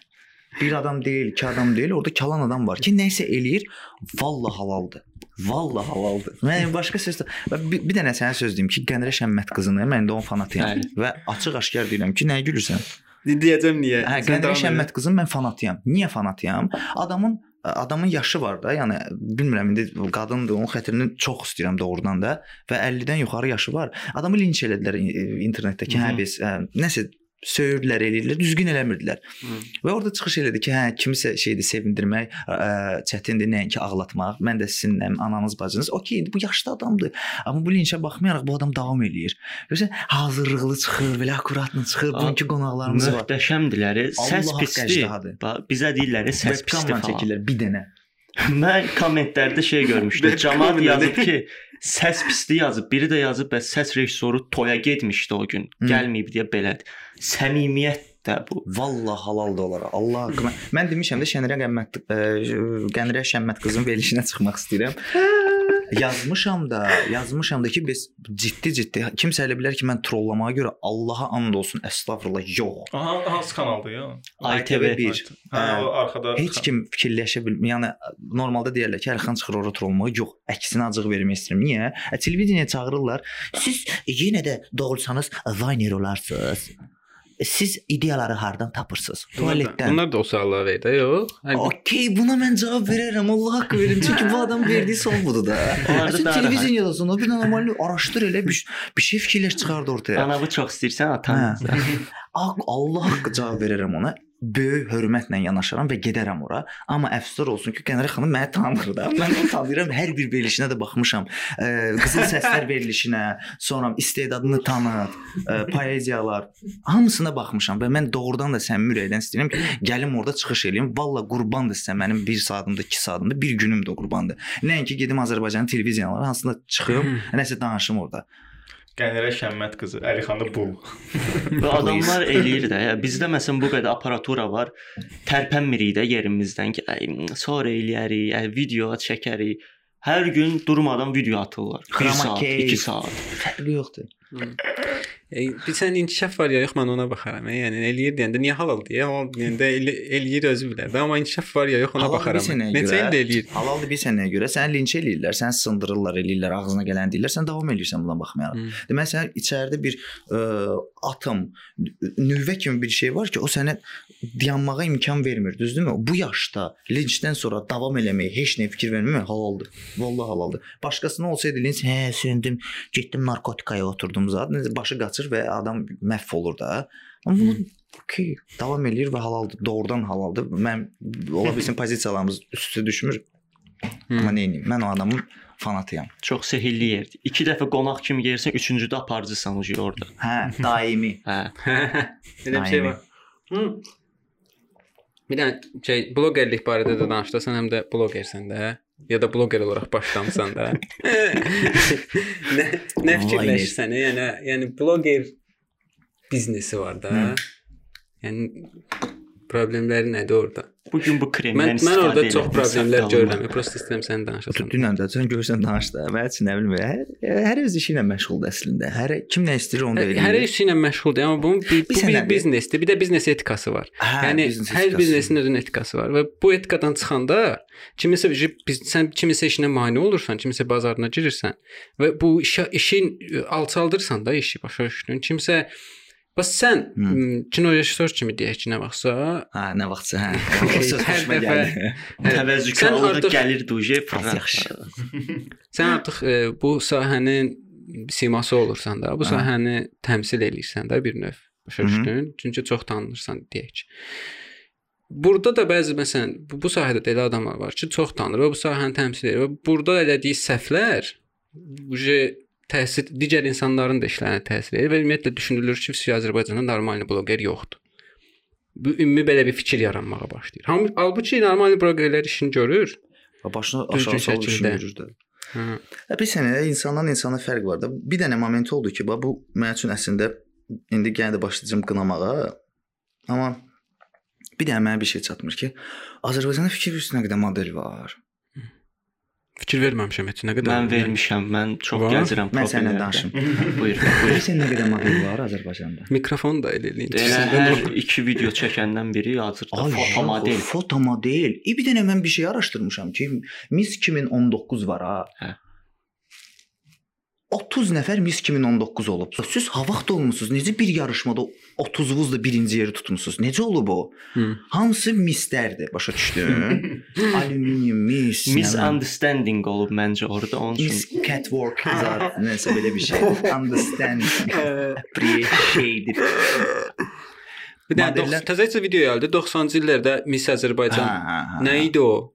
O idi o çox səviyyə. Mən dedim bu yəni orada Azərbaycan yazılması deyərəm yəqin hansı Avropada bir, desin. dənə, bir dənə məsələ var, bax influencerlardan, blogerlərdən Bəli. danışırıq, ümumiyyətlə Instagramdan danışırıqsa, bir dənə məsələ var ki, o şey var ya, o, lupa şəkli var, girirsən ora, Hı. ə, sənə random şeylər verir, profillər verir, hə, explore, də. hə. Girsən ora, görürsən o qızdır.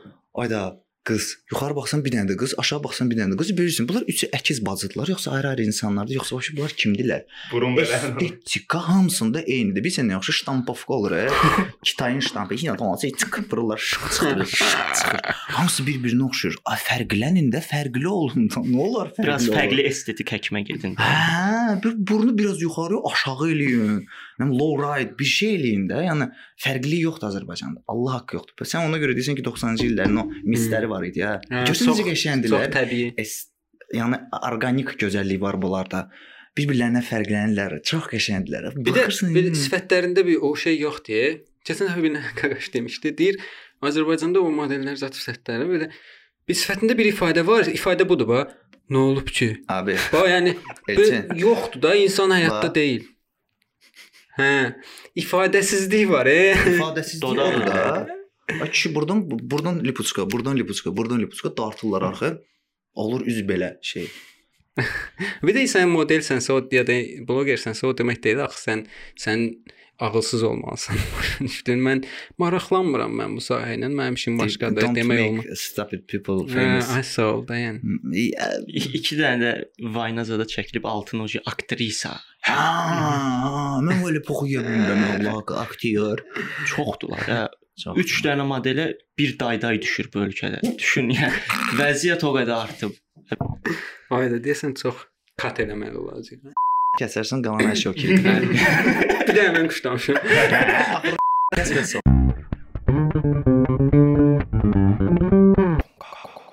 Sən Azərbaycan kinosunun Aycun Kazımovasısan səncə? Mənin röyası.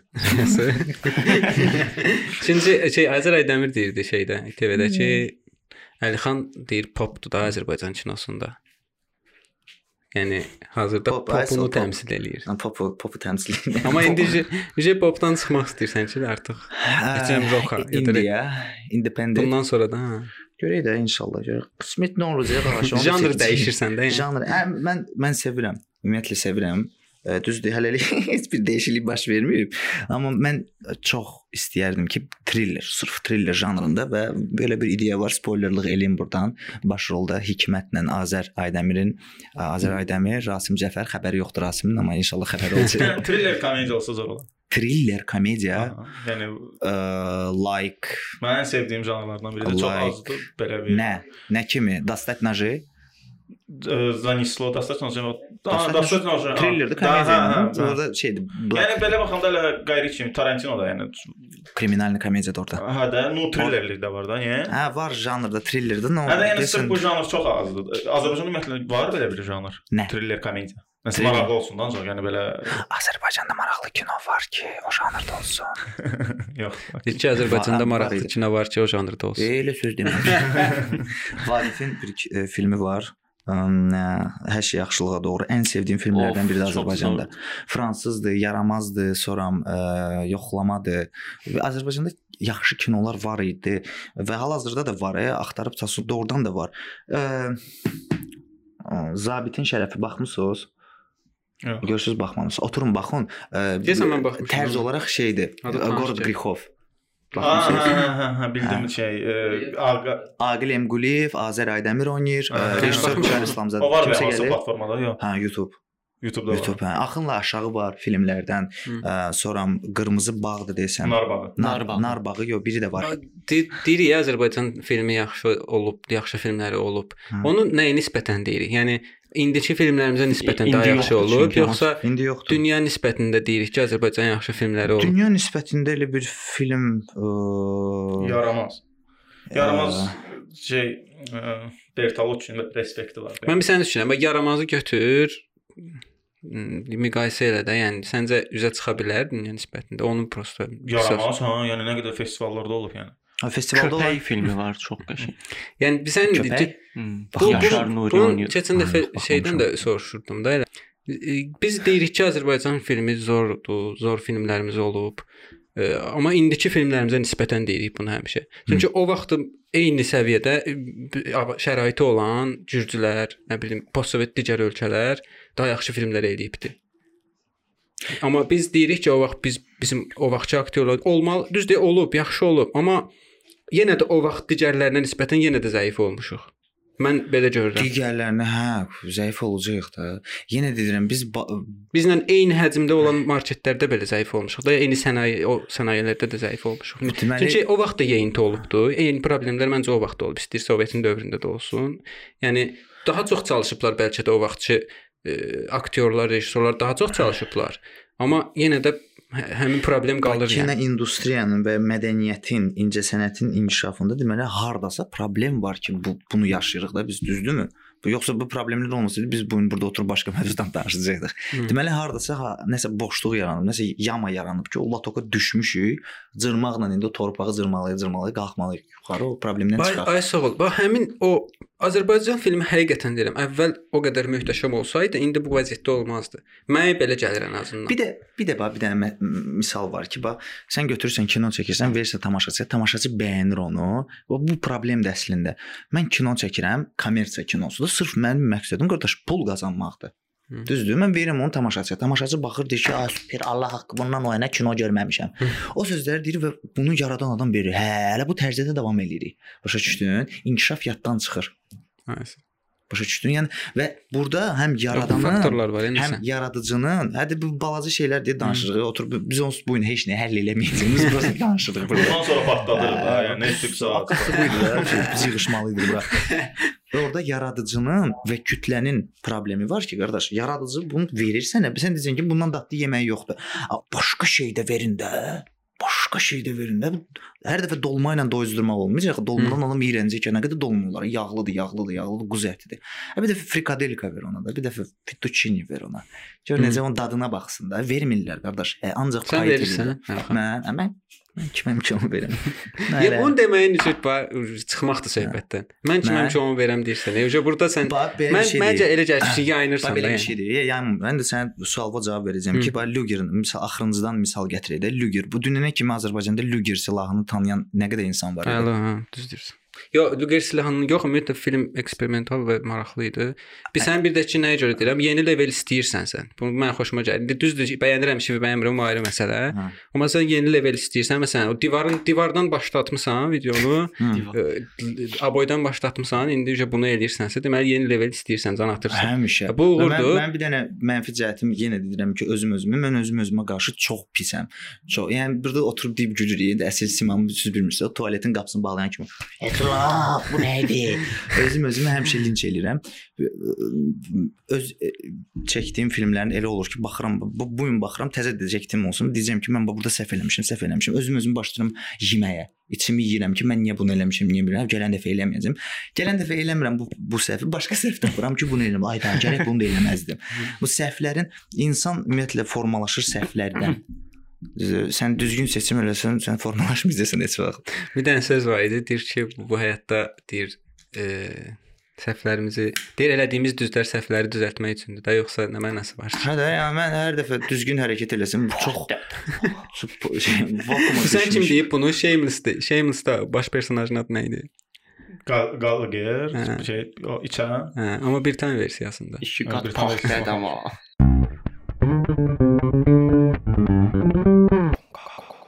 Netflix deyirsiniz, ayağından İndoneziyalılar Azərbaycanda film çəkib Leyli Netflixə. Məcnun. Hə, Hı.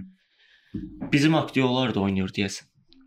Bilmirəm. Bir sən hə nəsə deyirdin? dedin. Mən onu araşdırmışdım, yəni Netflixə bir filmi satmağın qiymətini falan. Hı -hı. Bəzi şərtləri var. Black Magic-lə çəkilməlidir Hə, film. texniki şərtləri 40 dənədir deyəsən. 40 Hə. texniki şərti var ki, bu işıq olmalıdır, bu şey olmalıdır. Nə bilim, serialdırsa bölümün biri 5000 dollara yollayırsan ora falan.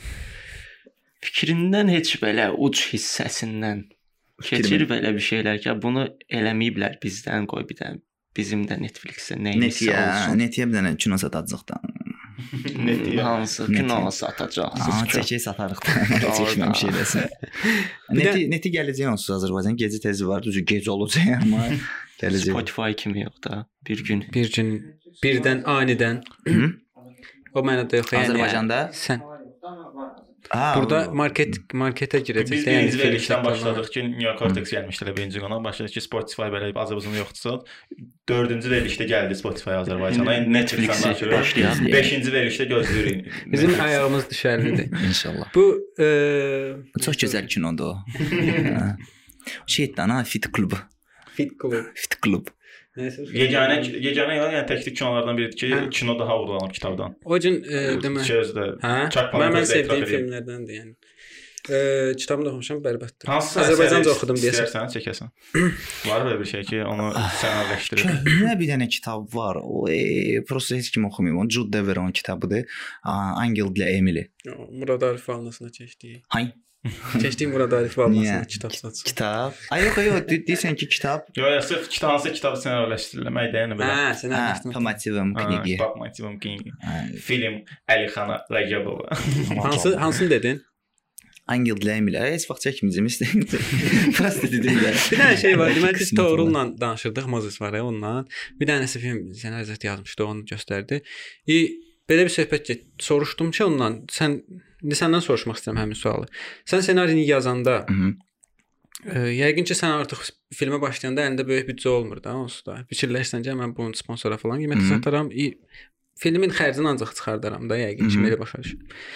Bu yazanda əlindəki imkanlara görə e, yazırsan, yoxsa ssenari yazırsan sonra tapırsan məkanı zad. Məsələn, bilirsən ki, məsələn, mənim falan yerdə evim var. O evdə falan səhnəni çəkə bilərəm. Qoy ssenaridə bunu əlavə edeyim. Belə bir şey limitləmə var hə filmlərdə. Var, 100%. Bəs fikir vermirsən, axırıncı çəkdiyim filmlərə bir dənə bax. Hamısı kamerli filmlərdir. Hə. Bir dənə məkanda baş verən filmlərdir. Olum ya ölüm, bir dənə yolu çəkmişik. Filmin yarısından çoxu evin içindədir, bir dənə otağın içindədir. Lüger bir dənə marketin içindədir və marketin dibidir. İblisdir, bir dənə nömrədir. Hmm. Bu nə deməkdir? Yəni də şey çətinlik. Pulumuz yoxdur, pul verin bizə, donat eləyin bizə.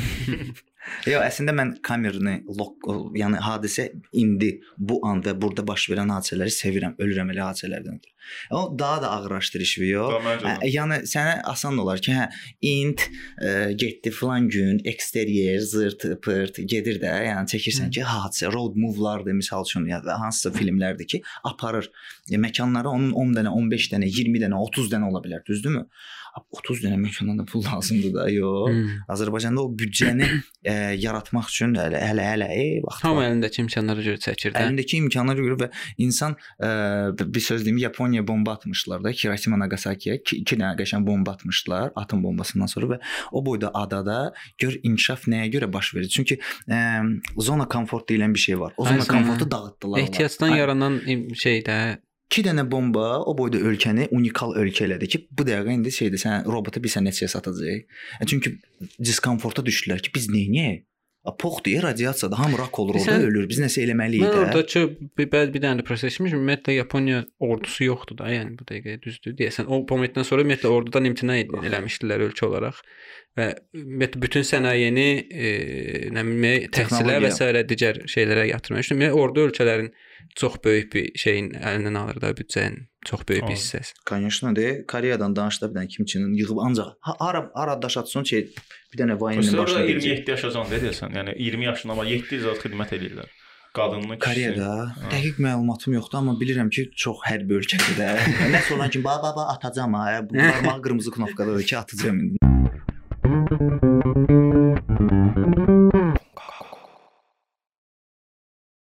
Bizdə bu, bu arada Apple Podkastda və Google Podkastda, bir də Spotify-da 500 dinləyicini keçmişik. Təbrik edirəm bizi. Bu bizə niyə demirsən? İndi niyə öyrənirəm mən bu? Oradan zor. çox az rəqəmdir, amma bizə görə.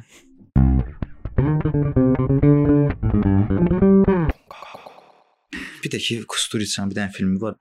Ə, Underground. Hə. Baxmısınız da? Yox, mən baxmamışam. Üf, üf, üf, tragikomediyanın pikidir.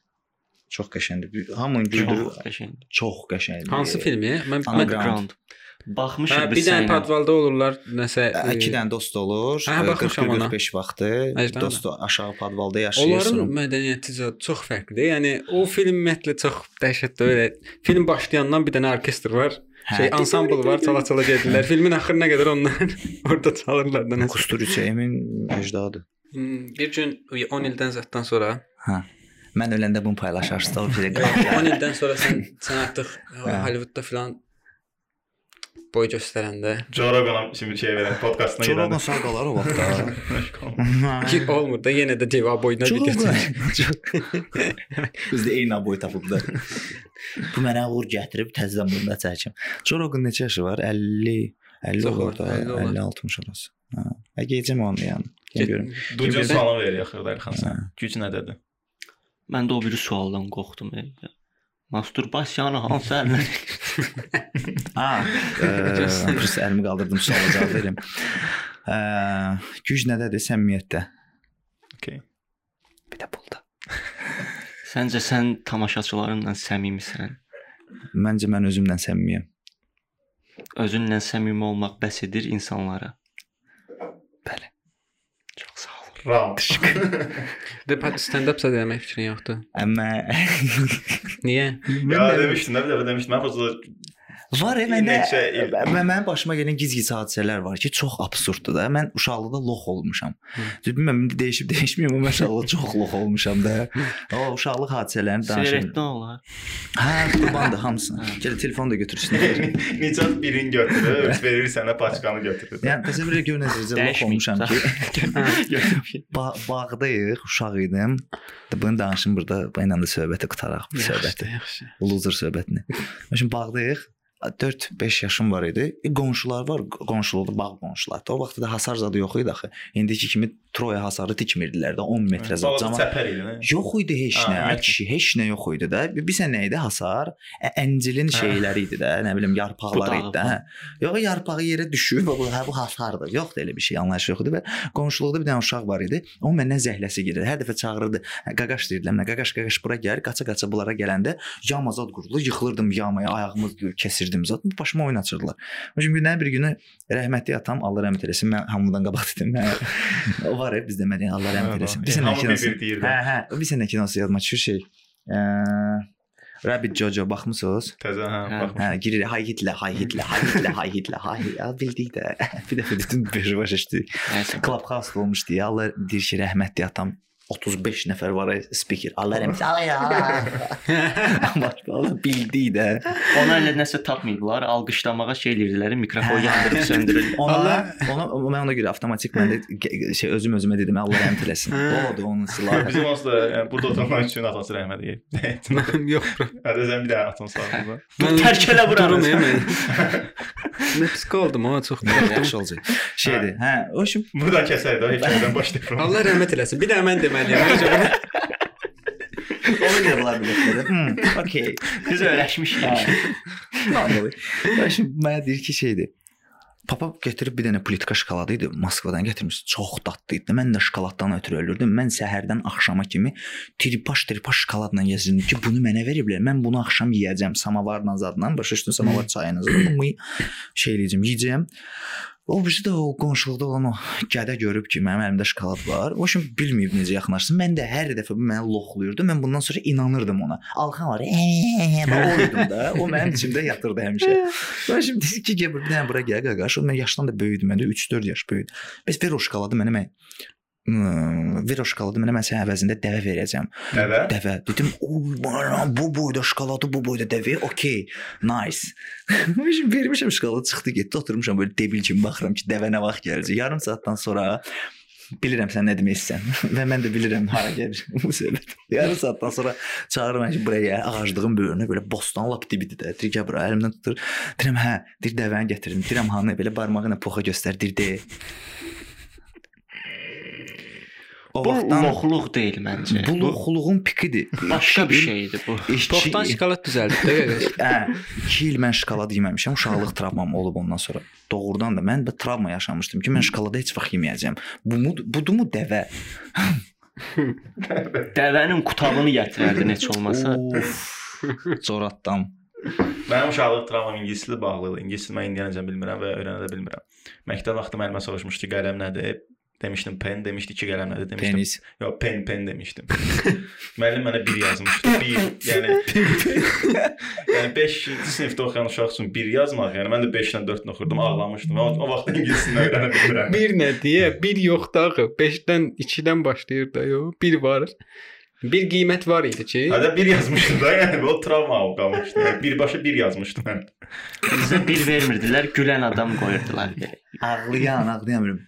yo, mənfi 2 verirdilər, amma 1 vermirdilər. Yox, 1 yəni o, yəni o Ne, travma. neçənci ilsən? 95. You. 99.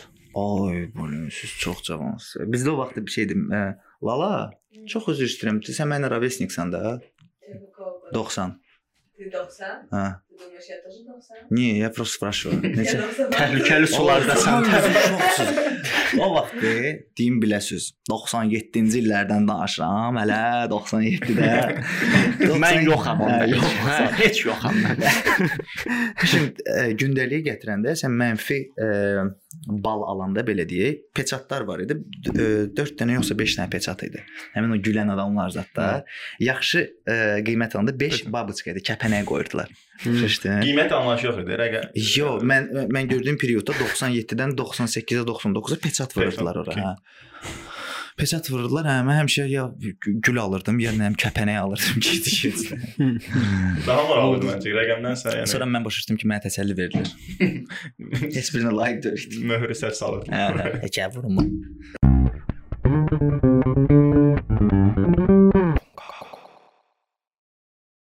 Clubhouse girmişəm belə. Bir dənə şeir deyə bilərsən. Verdim. Hə, yu- bir dənə gözləyin, oturub bir-bir cəmaət bir-birinə slap deyirlər. Sən şeir danışırlar. Bir dənə İnşallah. Çox mədəni bir şey var orada. Çox üzr istəyirəm, Hava sözünüz havası. kəsirəm. Hə, hə. Hamıda şeydir, CEO. Kimin information'a girsən CEO. Am- Yox, oğlum onu at bir qırağa. Hamı qəşəngdir orada. Çox qəşəngdilər ya, Allah haqqı. Doğrudan baxsan profil şəklinə qəşəngdir. Nicat girmişdi zəng şəklini qoymuş. Hə, mənim şəklim debil. Nicat sən şəkli- Sən hansı ko- otağa girsən adam çox olur axı da üzdə. Sən Sən şəkli şəkli qoyursan. Sən şəklinlə girim, tamaş gəlsinlər, qulaq assınlar. Girən baxsın ki, Əlixan burdadır, burada. Talih zadı qoydu sonra bir ara. Taktika tutmuşdu yəni. Hamı CEO-dur ya. Mən çatmır. Hansı ara vaxt tapırsınız, girirsiniz Clubhouse-a siz ya. CEO bir şirkətdə ən işi CEO-san bol olan sən də CEO. adam Sən deyil. Mən hara CEO-yam? Mən nəyimin? Bungaku. CEO hara, mən hara? CEO. Tamamlayaq da. Tamamlayaq brat, heç nə. Təlixan, çox sağ ol gəldiyin üçün. Bu çox şey ifadə edir həqiqətən mənim üçün. Çox sağ ol. Sən o vaxt həmişə dəstək olursan bütün layihələrimə. Əcdasan. Buranı da kəsərik şu. Bir başa özləri. thank you